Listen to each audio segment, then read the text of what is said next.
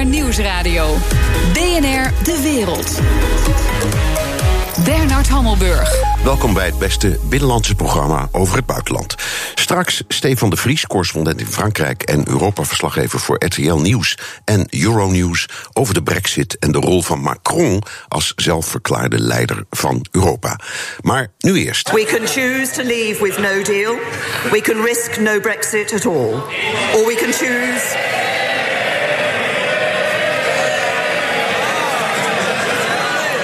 Theresa May had de eerste slag binnen. Gisteravond keurde haar kabinet de echtscheidingsovereenkomst met de Europese Unie goed. Maar inmiddels haakt de ene na de andere minister af, inclusief de Brexit-onderhandelaar. Ik praat erover met Pieter Omtzigt, Tweede Kamerlid voor het CDA en Brexit-rapporteur. Dag meneer Omtzigt. Goedemiddag.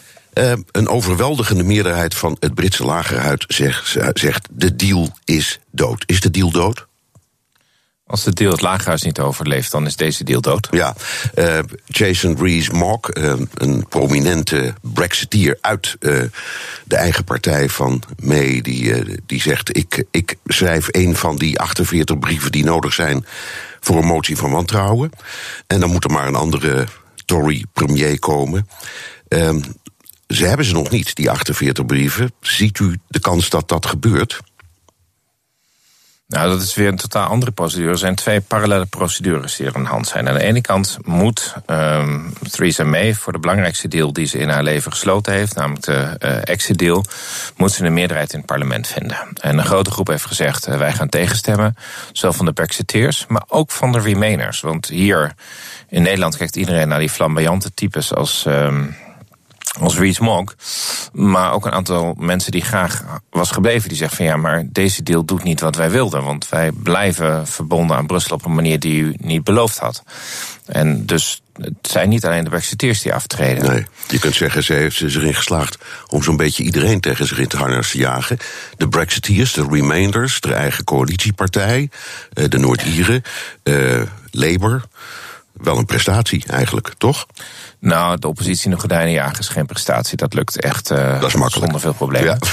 Maar binnen je eigen coalitie uh, verschillende groepen tegelijk kwaad krijgen, dat is knap. En dat is hier gelukt.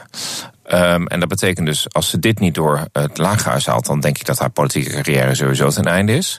En tegelijkertijd is er nog een motie van wantrouwen. Dat is een hele andere procedure. Want die gaat, daar gaat alleen een eigen partij over. Nou, dan moeten 48 handtekeningen ingezameld worden. Um, er wordt niet bijgehouden publiekelijk hoeveel er al zijn. Slechts als er 48 zijn, zegt de voorzitter van de partij: Ik heb 48 handtekeningen, er volgt nu een, uh, een stemming. En um, op het moment dat een meerderheid van de premier af wil, um, komt er een nieuwe leiderschapsverkiezing. Ja. Maar je kunt dus ook nog hebben dat, dat er wel 48 handtekeningen zijn, maar dat niet van de meerderheid van de, nou, ik geloof dat het 315 conservatieve leden van het Lagerhuis zijn, dat de meerderheid zegt dat ze mee af willen. Um, dan, maar dan blijft ze wel partijleider voorlopig, maar dan heeft ze nog steeds het gevecht in het Lagerhuis niet gewonnen. Dus nee. is met twee moeilijke gevechten tegelijkertijd bezig. Oei, oei, en hoe moeilijk het is, ik, bedoel, ik weet niet of zij op haar telefoon kijkt uh, tijdens het debat, hè, dat doen wij in de Tweede Kamer wel eens. Maar ik bedoel, elk half uur loopt er een minister te twitteren dat hij, dat hij aftreedt met ja. de brief en al erbij. Ja, inmiddels um, vijf. En dat zullen er zes. Ja, zes ja. al. Kijk aan. Ja. U kijkt op uw telefoon. Ik kijk keurig op mijn papiertje hier nu. Nee, klopt. Ik heb hier mijn iPad naast me ja. Oké, okay, even, even uh, gisteravond. U hebt dat natuurlijk allemaal gevolgd. Um, en op een moment kwam dat pak papier. 585 pagina's, 105. 80 artikelen. U uh, stuurde een tweet, geloof ik. Er zit geen inhoudsopgave bij. Nee. Heb, hebt u dat monster inmiddels kunnen doorworstelen? En wat vindt u ervan? Nou, ik was zelf ook nog bezig met het belastingplan, als ik het niet erg vind. En dat is nu net door de Kamer aanvaard. En um, dus uh, ik kon het niet helemaal goed doorlezen. Um, ik, ik ga er heel rustig voor zitten. En ik hoop dat uh, tegen de tijd dat ik het uit heb, het nog steeds een relevant document is. Ja. Ik weet niet of het vandaag het nee, laaghuis overleeft. Nou, heb ik altijd gehoord dat een echte goede overeenkomst, die kan op een paar A4'tjes. En als het 585 pagina's worden, dan moet je sowieso denken: hier is iets niet goed. Nee, dat is het probleem niet. Uh, dit moet echt op heel veel pagina's, omdat um, de Unie um, een zeer groot verband is waar je in zit. Dus met vrijheid van personen, van uh, goederen, van diensten. Grote financiële verplichtingen die je aangegaan bent via de Europese Investeringsbank, via de ECB, via de begroting, via de pensioenen. En al die dingen moeten opgelost worden. Ja. Um, en dat doe je niet in twee A4'tjes. Um, een, een, goed contract heeft een goede samenvatting. En daarna een juridisch waterdichte tekst.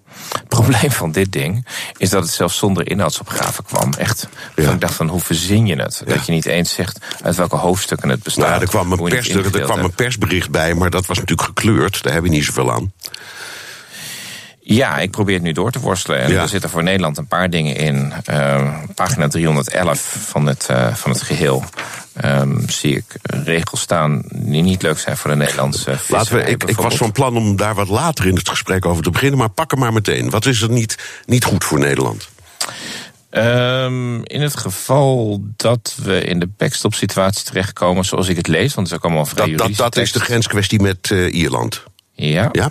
Dan uh, uh, wordt de visserij in principe uitgezonderd van de uh, douane-Unie. En dat betekent dat de Britten douaneheffingen gaan betalen als ze vis naar ons exporteren. Maar dat betekent ook dat we geen automatische toegang hebben tot de Britse wateren. En dat is voor een gedeelte van onze visvloot echt een drama als dat over een paar jaar zou gebeuren. Dat gebeurt dus niet onmiddellijk. Uh, Tenzij we hier een andere oplossing voor vinden. Dat staat er ook nog bij. Dus uh, dit is wel een uh, waar ik opheldering van hebben van onze regering waarom dit onderdeel van de deal geworden is. Ja, um, even terug uh, naar de deal zoals die, voor zover u en ik hem begrijpen, op dit moment voor ons ligt. als ik het goed begrijp, er staat erin we hebben in principe wel een overeenkomst, maar de implementatie duurt langer. En de tegenstanders uh, in het Lagerhuis, een van hun problemen is: ja, dan blijven we in feite gewoon langer lid van de Europese Unie zonder dat we nog iets te vertellen hebben of stemrecht. Hebben ze daar een punt? Ja, daar hebben ze een punt. Uh, maar dat kunnen ze zichzelf aanrekenen. Uh, wat er mis is, dit proces is niet gisteren misgegaan of zo, dat iemand iets verkeerd getekend heeft. Het proces is misgegaan bij het referendum en bij de notificatie. Bij het referendum was wel duidelijk dat, dat de Brexiteers uit de Unie wilden. Maar wat voor verhouding ze wel met Europa en met de Europese Unie wilden hebben, dat hebben ze niet bepaald. Nou, daarna, na het referendum, um, ging die twee jaar tijd lopen op het moment dat zij die notificatie deden. Dus als ze verstandig geweest waren, dan hadden ze de dag daarna een taskforce opgezet en gezegd van dit is waar we uit willen komen en dit is wat we wilden. Dus wat we kregen is dat ze naar Brussel gingen met de notificatie met artikel 50 wij gaan uit de Unie. En ze zijn begonnen met onderhandelen. En tijdens dat onderhandelen zijn er verschillende speeches geweest van mij en van anderen van dit is waar we uit willen komen. Maar er was helemaal geen overeenstemming over of een parlementaire meerderheid voor. Nee, en er waren steeds andere woordvoerders en het verhaal veranderde ook steeds iets. Dus nou ja, en, en, en kijk, eh, de Britse politiek is bijna onafvolgbaar vandaag. Ik bedoel, als je de, als je de minister van Brexit bent en je heb de onderhandelingen dus gedaan. Ik moet wel zeggen dat hij een beetje buiten de onderhandelingen gehouden werd door mee, maar je bent verantwoordelijk voor de onderhandelingen. Dan is het toch onbestaanbaar in Nederland dat je de dag na het bereikte akkoord waar je kennelijk mee ingestemd hebt aftreedt. Ja.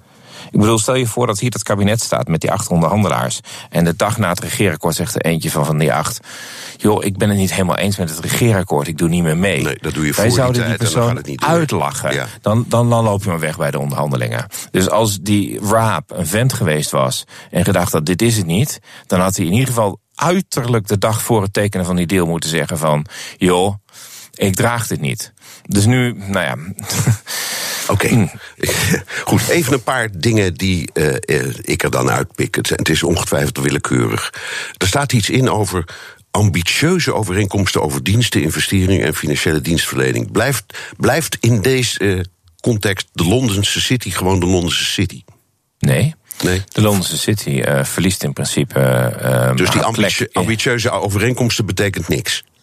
Ambitieuze overeenkomst betekent dat er heel veel ambitie is, maar dat er geen concrete Nee, afspraken zijn. geen- geen oplossing. En als je, nee, ja, maar kijk, een ambitieuze overeenkomst had je twee jaar geleden als tekst kunnen hebben, want dan had je kunnen zeggen, nou, we streven naar een ambitieuze overeenkomst. Het feit dat je hem niet hebt ingevuld en nu nog steeds ambitieuze overeenkomst zegt, betekent dat je over de toekomstige relatie nog niet duidelijk bent. Want vergeet niet, het hele pakket 585 pagina's gaat alleen over de echtscheiding. Ja, Maar over de toekomstige relatie zijn geen duidelijke afspraken gemaakt. Terwijl eh, het toch wel tijd was geweest eh, dat daar iets ja. meer Er duidelijkheid staan nog een paar dingen in. Die vallen dan waarschijnlijk in dezelfde categorie. Het Verenigd Koninkrijk blijft zich houden aan milieu- en arbeidsregels. Eh, lucht, bus- en treinverkeer, scheepvaartverkeer blijft zoals het is. Blijven samenwerken op politie-justitiegebied, defensie, geheime diensten, politieke en andere sancties. Ehm, is dat nou waar? Of geldt hier weer eh, wat de Britse critici zeggen. Dit betekent, als dat zo is, gewoon doorgaan op de oude Brusselse weg, maar zonder Brusselse medezeggenschap. Dan blijven samenwerken is eh, waar in de overgangsperiode.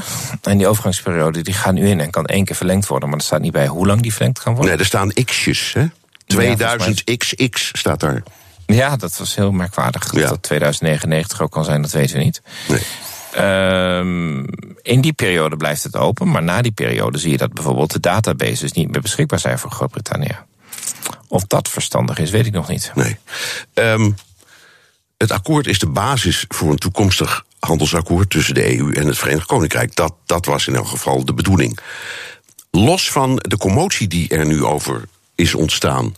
eh, en het bezwaar in het Verenigd Koninkrijk zelf. Zegt u, dit is op zichzelf geen slecht uitgangspunt. Na al het gedoe wat we hebben gehad? Oh, dit is een heel slecht uitgangspunt. Ehm, als Nederland hebben wij belang bij duidelijkheid waar we naartoe gaan. En wij hebben in Nederland al gezegd: hey, we moeten duizend nieuwe douaneambtenaren aannemen, want we weten niet of ze eruit gaan en hoe ze eruit gaan. Het is in mijn ogen niet erg dat de relatie verandert.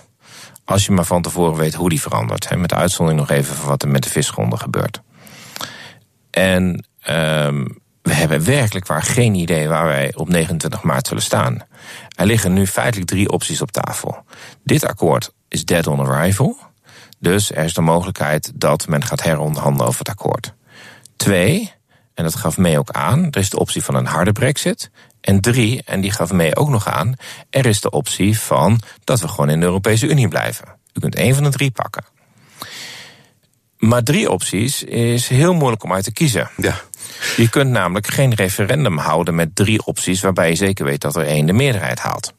Dus iedereen die nu heel hard referendum roept, dan moet je als tweede vraag stellen: referendum tussen welke twee opties precies? Precies, precies. En accepteert de EU die opties? Ja, en, en er is ook nog een hele grote kans als je de peilingen volgt dat, dit- dat zo'n eh, referendum precies eindigt zoals het eerste referendum. Er staat, Ja, er staat dus de dat ze- vraagstelling, is ja. de vraagstelling is relevant, maar ook of je de optie die dan is, of de mensen begrijpen wat de uitwerking van die optie is. Ja.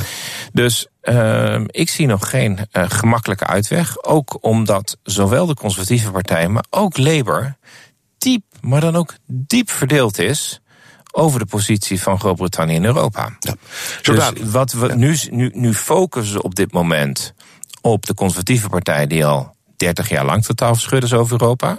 Maar we vergeten even dat bij Labour precies hetzelfde Precies aan de hand hetzelfde. is. Zo dadelijk. Schande, verraad, leugens, kolonie van Europa. De woede van de Brexiteers is niet van de lucht. BNR Nieuwsradio. BNR De Wereld. Mijn gast Pieter Omtzigt, Tweede Kamerlid voor het CDA en Brexit-rapporteur. Woeste Brexiteers in Londen. The choice is now clear.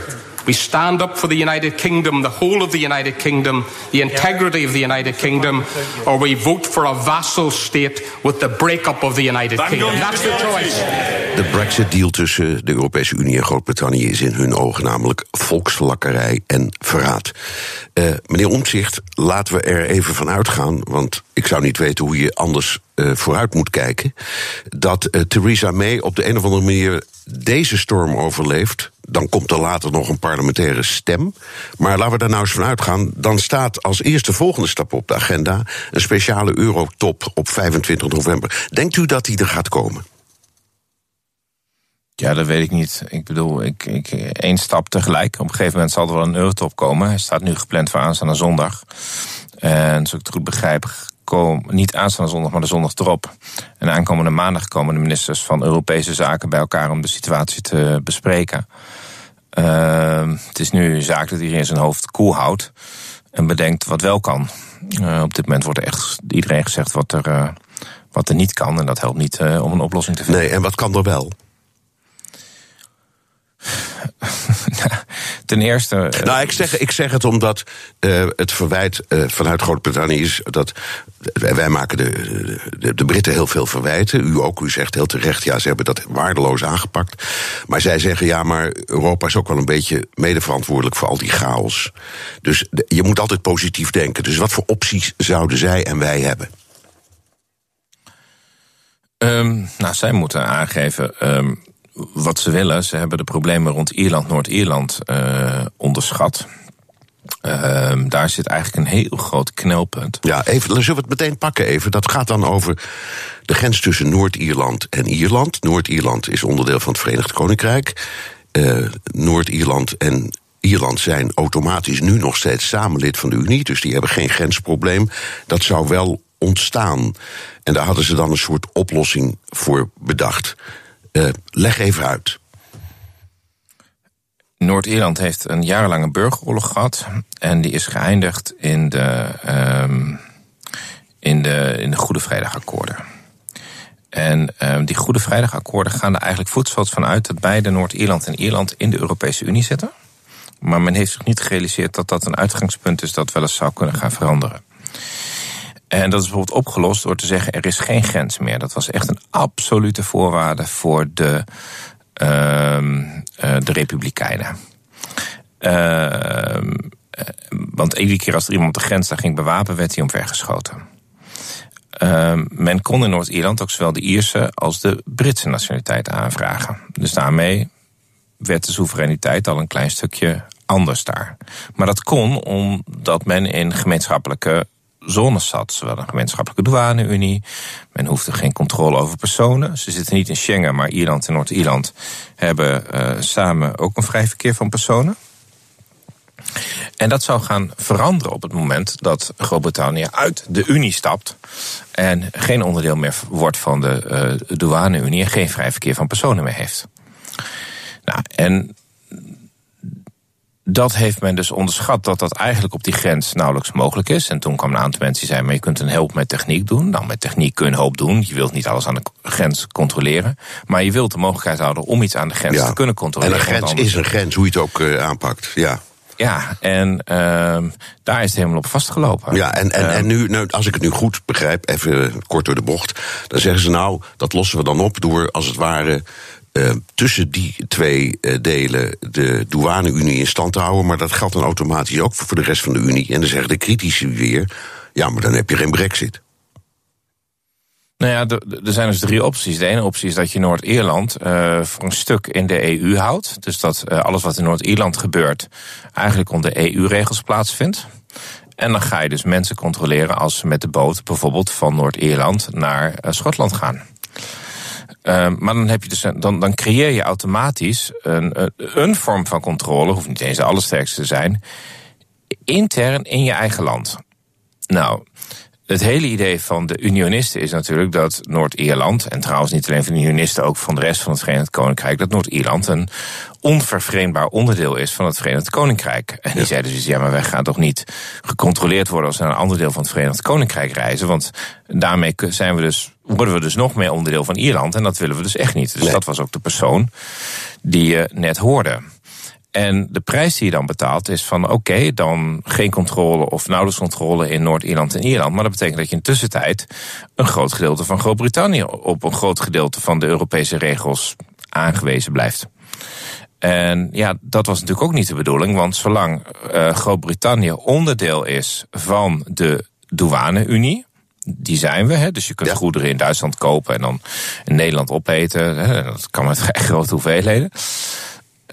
Um, maar zolang je in die douane-unie zit, kun je niet zelfstandig handelsakkoorden sluiten. Terwijl een van de allergrootste redenen die de Brexiteers hadden, die zeiden: nee, jongen, wij worden weer groot, net zoals in de, in de 19e eeuw, British Empire, omdat we ons eigen handel gaan doen met de rest van de wereld. Die groeit veel sneller, daar hebben we veel meer aan. Ja. Um, maar ja, als je in de douane-Unie zit, kun je dat niet. Nee. Nou, Dus zit je helemaal klem. Dus het centrale idee. En dan heb je een overgangsperiode ook nog dat je voor die douane-Unie aangewezen blijft op um, het Europees Hof. En, um, ja, en daar willen ze ook niet meer in. En daar willen ze ook niet. Nee, even uh, ter afsluiting. U bent uh, Brexit-rapporteur. Wat betekent dat precies? Aan wie rapporteert u? Wij rapporteren aan de Tweede Kamer. We zijn op dit moment met z'n drieën. Dat is Anne Mulder van de VVD, Lodewijk Asje van de Partij van de Arbeid en ik. Uh, ik ben nu voor de derde keer rapporteur op Brexit. En ik mag u bijvoorbeeld wijzen op het laatste rapport in 2017. Toen wij waarschuwden voor dit scenario, een chaotische brexit. En Nederland zeiden, u moet daarop voorbereid zijn. En uiteindelijk, wat er ook gebeurt, of er nou wel of niet een brexit komt... wie gaat daarover? Is dat het kabinet, dus de premier... of moet dat uiteindelijk ook naar de Tweede Kamer? En dus naar alle andere 27 uh, eh, parlementen? Uh, de uh, scheiding, dus dit document, moet aangenomen worden door het Britse parlement door het Europees Parlement in meerderheid en door een gekwalificeerde meerderheid van de lidstaten. Daar heeft dus niet één lidstaat een veto op. Nee. Maar dat zijn dan dat zijn regeringsleiders en staatshoofden. Ja, maar goed, wij kunnen tegen Rutte zeggen: stem tegen. En dan kunnen we een motie aannemen. Ja. Maar als Rutte de enige zou zijn die tegenstemt, of Orbán of wie dan ook, dan gaat het nog steeds door. Dus er moeten een stuk of acht, negen landen tegenstemmen om het tegen te houden. Maar goed, dat stadium bereiken we op dit moment helemaal niet zo te zien. Nee, dus daar, maar als er straks een toekomstig akkoord moet liggen met hoe we het wel gaan doen, dan moet het wel door elk land aangenomen worden, hoogstwaarschijnlijk. door 27 en, Nou, dat is ook nog niet gemakkelijk, zeker even, als de relaties ook nog even een klusje. Oké, okay, hartelijk dank. Pieter Omtzigt, Tweede Kamerlid voor het CDA en Brexit-rapporteur. BNR Nieuwsradio. BNR De Wereld. In het Britse parlement wordt de Brexit-deal van Theresa May stevig onder vuur genomen. En intussen stappen er nog steeds Britse bewindslieden op. Europa-verslaggever Jesse Pinster. Een groot deel van de Britten wil de deal die nu op tafel ligt dus niet, maar Europa wel. Is er nog ruimte voor Europa om de deal aan te passen of een handreiking te doen? Nee, ik, uh, alles wat ik uh, van alle kanten hoor, ook vanuit het uh, team van de onderhandelaars, is dat dit echt het maximaal haalbare is. Dat ze niet verder kunnen gaan dan dit. En ze willen dan ook niet eens speculeren over die onderhandelingen weer openbreken of een nieuwe ronde, als, of in Londen of misschien ook wel in een van de Europese hoofdsteden. Ze zeggen, ja, met dit stukje zijn we toch niet blij. En dat is ook precies waar Barnier, de hoofdonderhandelaar, gisteravond al op doelde toen hij het had over iedereen moet zijn verantwoordelijkheid nemen. Dat is in eerste instantie natuurlijk een boodschap aan de Britten, maar ook echt een boodschap aan de EU-27, de 27 lidstaten die straks over gaan blijven. Van ga nou niet proberen om deze tekst nog eens een keer te herschrijven. Nee, eh, Barnier zei ook eh, gisteravond: de klok tikt door. Is er een plan in Brussel of zou dat bespreekbaar te zijn om te zeggen: weet je wat, we zetten die klok gewoon even stil? Nou, Barnier is vandaag vooral bezig met het uh, uitdelen van zijn pakket met uh, papieren. Ik zag hem al bij de voorzitter van het Europees Parlement, Tajani, eerder Donald Tusk. Ook uh, Guy Verhofstadt in het Europees Parlement kreeg er een. Ja, weet je, als het gaat om het, het uitdelen, tuur, het kan. De, de, de, Britten, als zij erom vragen, dan is het in theorie mogelijk dat je gewoon 29 maart 2019 niet de brexit is en dat je dat uit gaat stellen. Moeten wel weer de 27 andere landen daarmee in gaan stemmen. Maar ja, er is eigenlijk hoor je nauwelijks vanuit, uh, in ieder geval op dit moment nog, uh, vanuit Londen dat soort uh, signalen ko komen.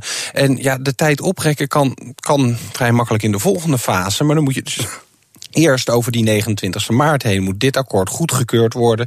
Dan kom je in de volgende onderhandelingsfase over die toekomstige relatie. Hoe die handelsverbanden tussen de EU en Groot-Brittannië eruit moeten gaan zien. En daar zit dus wel in wat er eh, nu op tafel ligt. Een mogelijkheid om de, de overgangsperiode, die nu loopt tot 31 december 2020. Dus zo'n 21 maanden is er dan om een nieuw handelsakkoord te sluiten. Dat is vrij ambitieus, al zeggen ze in Brussel. Ja, we hebben al een hoop voorwerken gedaan met wat er nu ligt. Ja, die periode, die is wel op te rekken.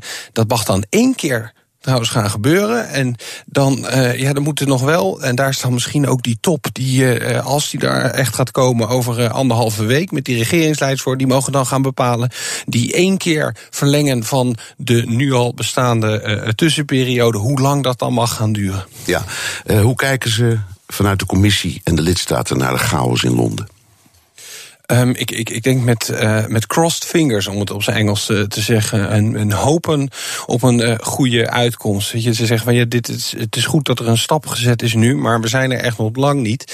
En ja, toch bevreesd voor wat er in uh, Londen gebeurt. En ze nemen weer uitgebreid de tijd om zowel vanuit de, de Raad als de Commissie als het parlement te zeggen hoe verschrikkelijk die Brexit wel niet is. Een, een, een wond noemde Guy Verhofstadt het. En ja. hij hoopt nog steeds, nog steeds steeds hoopt hij dat die Britten op een bepaald moment, al is het over tien jaar, een keer terug gaan komen. Nou, de, en, ja. Maar on, ja. onder, ondertussen neem ik aan dat ze zich voorbereiden op een no-deal scenario.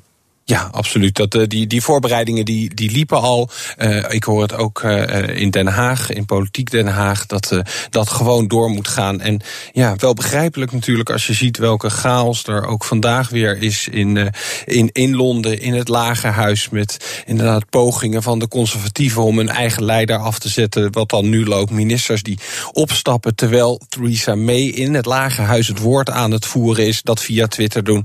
Ja, dan moet je rekening ermee houden dat er ook gewoon nog een no-deal scenario in zit. Dankjewel, Europa-verslaggever Jesse Pinster. BNR De Wereld. Met een indrukwekkende speech tijdens de herdenking van het einde van de Eerste Wereldoorlog wiep de Franse president Macron zich op als hoeder van Europa. Car le patriotisme est l'exact contraire du nationalisme. Macron waarschuwt tegen nationalisme. Maar wie steunt hem daar nou in? Ik praat erover met Stefan de Vries, correspondent in Frankrijk voor RTL Nieuws en Europa-verslaggever voor Euronews. Hadi Stefan. Dag, Bernard. Um, is dit Brexit-drama een opstap voor Macron? Nou, het is zeker een duwtje in in de rug. Maar dat was het natuurlijk eigenlijk al sinds het begin. Uh, Macron is gekozen al na de brexit. Uh, het referendum was natuurlijk in duizend, uh, 2016 in Groot-Brittannië. En Macron is gekozen in mei 2017, dus bijna een jaar later.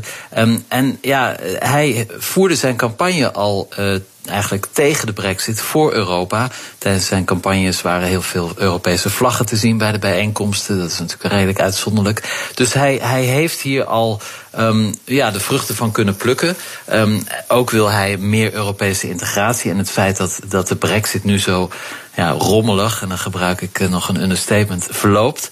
Um, dat, is, dat is op zich goed nieuws voor iedereen die meer Europese integratie wil. En, en Emmanuel Macron is daar één van. Ja, uh, ik praat even niet over de Europese Commissie of de Europese Raad of het Europarlement, maar even over de gewone Europeanen. Iets waar jij je vaak en veel in verdiept, ook in je blog. Um, hoe kijken die tegen Macron aan? Zien die hem een beetje als de nieuwe leider van het continent? Ik denk dat, er, uh, dat het echt redelijk zwart-wit is. Ik denk dat er veel Europeanen blij zullen zijn dat er iemand is, uh, een politicus, die Europa durft te verdedigen, die niet bang is om Europa te verdedigen en die niet uh, kritiek levert op Europa zoals dat heel veel gebeurt door heel veel andere politici. Ik denk dat de andere helft misschien in hem een, een typische ja, Fransman zal zien. Iemand die arrogant is, grote woorden. We zagen het ook afgelopen zondag met de herdenking van de Eerste Wereldoorlog. Een nogal ja, pompeus evenement waar de Fransen heel goed in zijn. Het herdenken van de geschiedenis. Um, natuurlijk hebben de Fransen een, een zweem over zich van arrogantie. Uh, niet helemaal uh, terecht, vind ik. Maar um, in ieder geval heeft Macron dat natuurlijk wel. Um, en, en dat werkt natuurlijk tegen hem. En je ziet dan ook dat uh, ja, Europa toch wel heel erg verdeeld is. Ja. Intussen, zoals Macron zegt, de opene mensen en de gesloten mensen. Ja, ja maar je zag in de tijd dat uh, de Britten begonnen af te haken. Hè, dus uh, na uh, het referendum. Ook, ja. ook heel veel Europeanen denken dat is wel mooi. Die arrogante Britten eruit. En dan uh, die Fransen, ja, ook wel een beetje arrogant, maar die hebben toch ook wel hun historische plaats in Europa. Ik had zelf het gevoel dat heel veel mensen, als het ware, een beetje met die Franse arrogantie meedachten op dat moment. Ja, ik denk dat heel veel uh, Europeanen op het vasteland zullen denken van... nou ja, nu is het wel genoeg geweest uh, met jullie uh, aanstellerij, kleinzielige Britten. Um, dat was na het referendum, had ik de indruk niet het geval. Ik denk dat echt heel veel Europeanen geschokt waren dat, dat, dat, dat Brexit had gewonnen. En nu, twee jaar later, na die enorme brandende puinhoop... en we zien het ook vandaag weer, de, de totale chaos in Londen...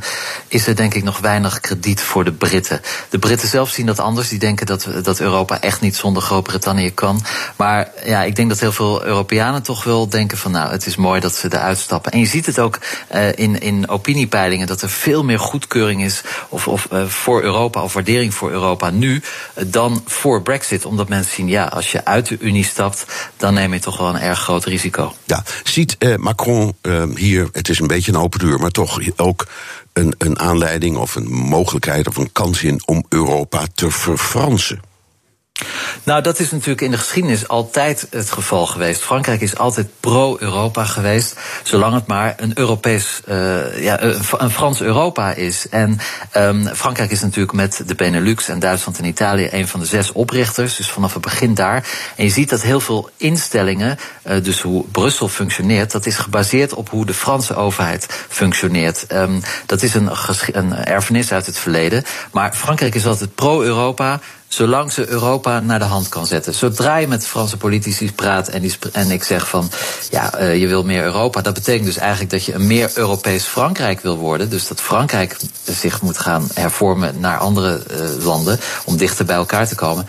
Dan zijn de Fransen ineens een stuk minder pro-Europees. Dus het is van nature zien de Fransen Europa echt als een, een Frans project. En, en in het beste geval als een Frans-Duits project. Ja, nou, historisch hebben ze natuurlijk ook wel een punt. Want het waren, Uiteraard, het waren Monet en, eh, en Schumann die het, die het hebben bedacht, zou ik maar zeggen. Dus nou, ja. ze hebben recht van spreken, kun je zeggen. Al wel, het is, Zeker, alweer, maar, het is maar alweer een paar dagen geleden, kun je ook zeggen. Precies, precies, ja. ja. Um, de, is, is, is dit nu een van de redenen, eh, afgezien van uh, antwoord op Donald Trump, komen we nog wel over te spreken hoor, maar dat, dat Macron zo fulmineert tegen het nationalisme? Het is een antwoord op uh, heel veel ja, bewegingen die je ziet in, in de wereld. Ook zelfs binnen Europa natuurlijk, als je kijkt naar Polen en Hongarije, um, waar je, om in de woorden van, van Viktor Orban te spreken, de Hongaarse president, een illiberale democratie. Dat is, dat is erg in de mode. Dus een soort um, een gekozen ja, ik zou het woord dictatuur niet willen noemen, maar wel autoritaire uh, regeringsleiders die, die, die gekozen worden en dus democratisch zijn. Um, en aan de andere kant uh, landen, en die, die liggen dan interessant genoeg meer in, in, het, in de kern van Europa, dus ook waar de, waar de oprichters zitten, met uitzondering dan van Italië, die zijn veel meer met een open blik. Uh, dus, dus liberaal in, in de politieke zin van het woord, sociale zin van het woord. Um, dus dat is een enorm contrast tussen Oost Europa. En ja, dat contrast zal natuurlijk uh, nog veel duidelijker worden bij de komende verkiezingen in, de, in, in mei, de Europese parlementsverkiezingen. Zo dadelijk. Macron, is hij nou de hoeder van het liberaal-democratische Europa? Of is hij ook de Macron van Frankrijk eerst? BNR Nieuwsradio. BNR De Wereld.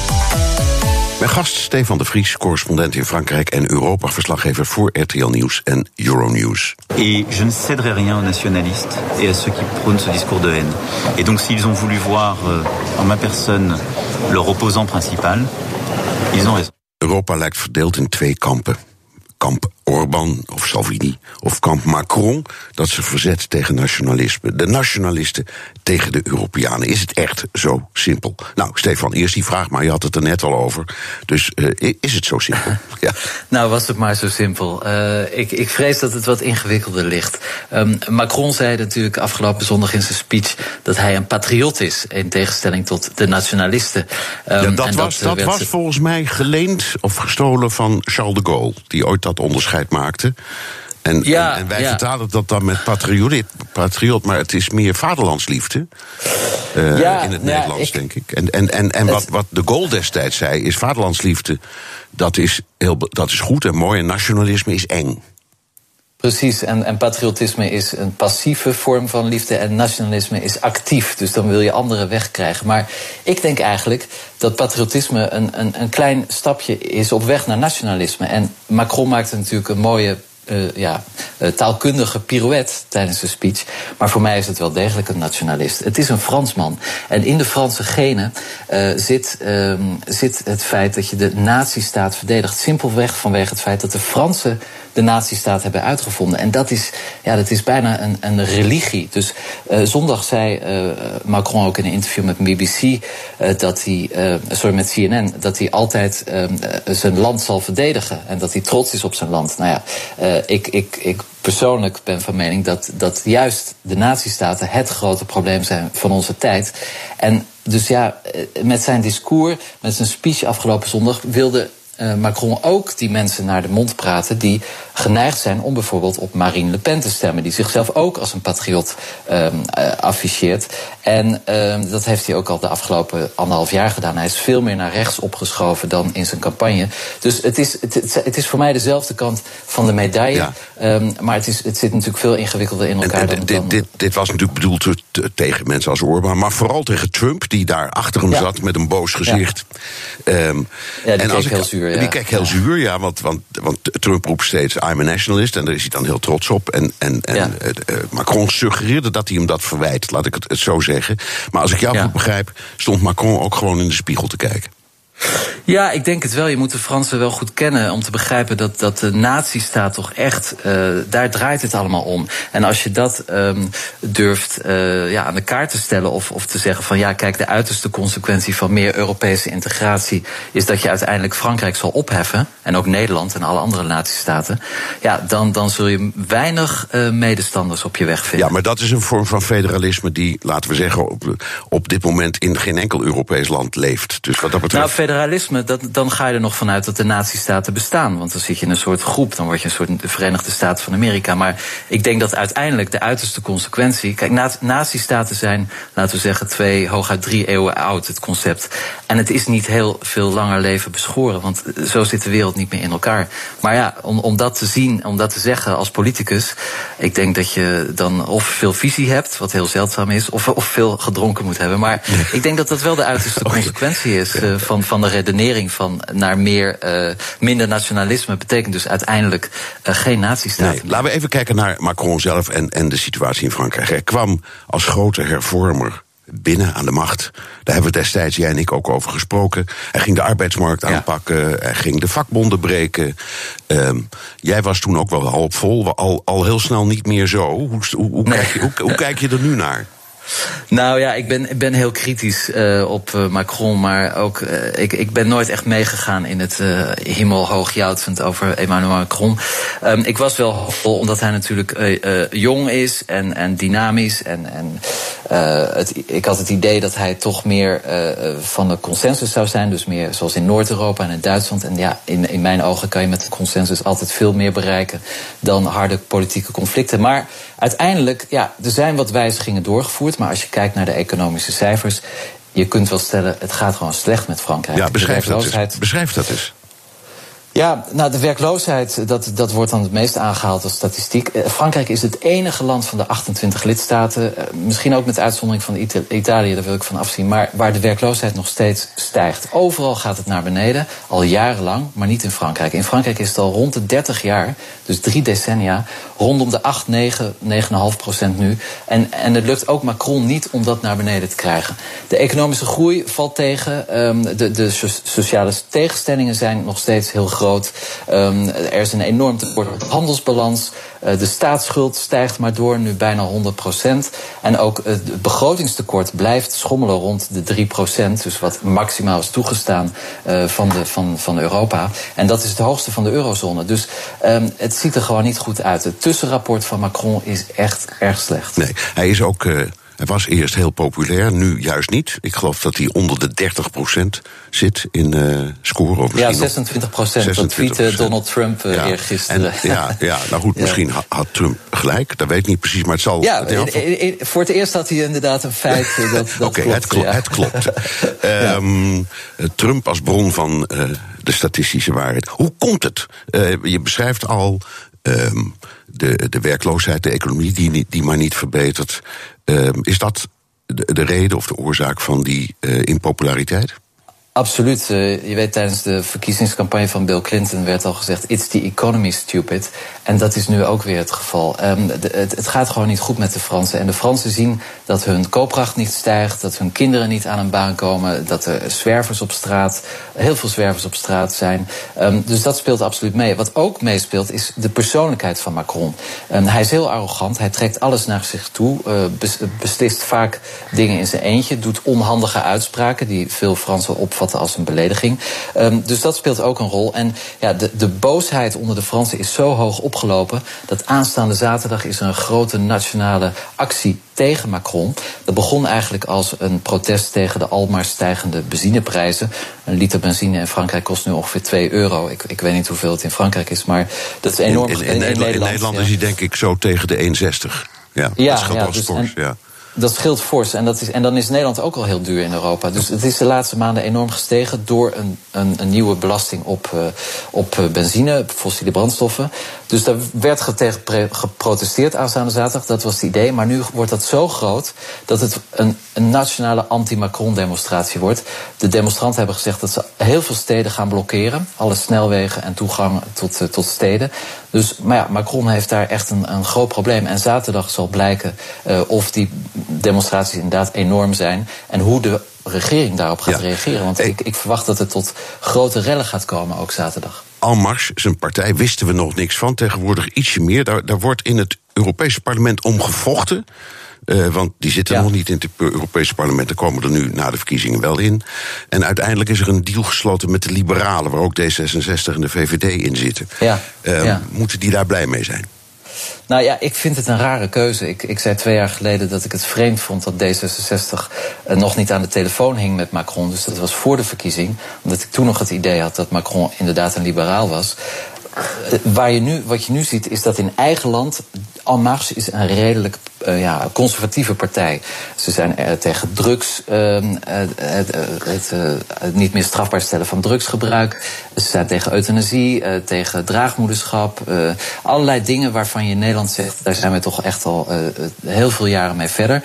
Da daar zitten nog hele conservatieve factoren in die partij. En ook qua economie. Het blijft een Franse partij. En dat betekent dat zelfs als die Frankrijk een liberale partij is. Zelfs dan is er nog uh, in hun ogen een belangrijke rol weggelegd voor de staat in de economie. Nou ja, dat, daar kan je bij de VVD en D66 uh, toch eigenlijk niemand voor vinden. Dus ik vind het raar. Maar ik, ik vermoed dat het komt doordat heel veel mensen van bij VVD D66 geen Frans spreken en geen idee hebben wat hier aan de hand is. Nou. Ik vind het dus raar dat zij zich aansluiten bij, bij die fractie in het Europees Parlement. Ja, ja. Nou, het kan ook zijn dat ze denken dat Alde. Alles is die, mooi meegenomen. Ja, is mooi meegenomen. Die Alde is altijd een beetje een kleine partij. Misschien worden we wat groter en dat betekent ja. natuurlijk ook iets. Ja, nou ja, Macron doet het niet goed in de peilingen. Dus ze wedden wat dat betreft ook op het verkeerde paard. In de laatste peiling afgelopen week staat Marine Le Pen toch met een half procentje bovenaan Macron voor de Europese verkiezing. Dus het kan nog steeds dat, ja, het heet nu Rassemblement National, maar wat vroeger het Front National was, opnieuw de grootste partij wordt van Frankrijk. En ja, dan blijkt toch echt dat het hele verhaal van Macron uh, na twee jaar uh, volledig in duigen valt. Nee, en wat dat betreft is natuurlijk het aanstaande weekend met die demonstratie een belangrijk teken van hoe, uh, Zeker. Ja, hoe het er ja. allemaal bij staat. Ja, Goed. en Macron zei gisteren al in een tv-interview dat hij beseft dat het hem niet gelukt is om de Franse politiek dichter bij de burgers te brengen. Dus hij begint al de laatste weken een soort mea culpa-programma. Maar ja, hij zit er nu anderhalf jaar, hij heeft nog drieënhalf jaar te gaan. Uh, dat kan nog van alles gebeuren. Misschien is het te vroeg om te oordelen. Maar feit is dat de verwachtingen die zo hoog gespannen waren voor zijn verkiezingen. Uh, nu al niet meer waargemaakt worden. Nou, en zo zie je het met May slecht gaan en ook met Macron. Dank Stefan de Vries, correspondent in Frankrijk en Europa-verslaggever voor RTL Nieuws en Euronews. En tot zover BNR De Wereld. Terugluisteren kan via de site, de app, iTunes of Spotify. Tot volgende week.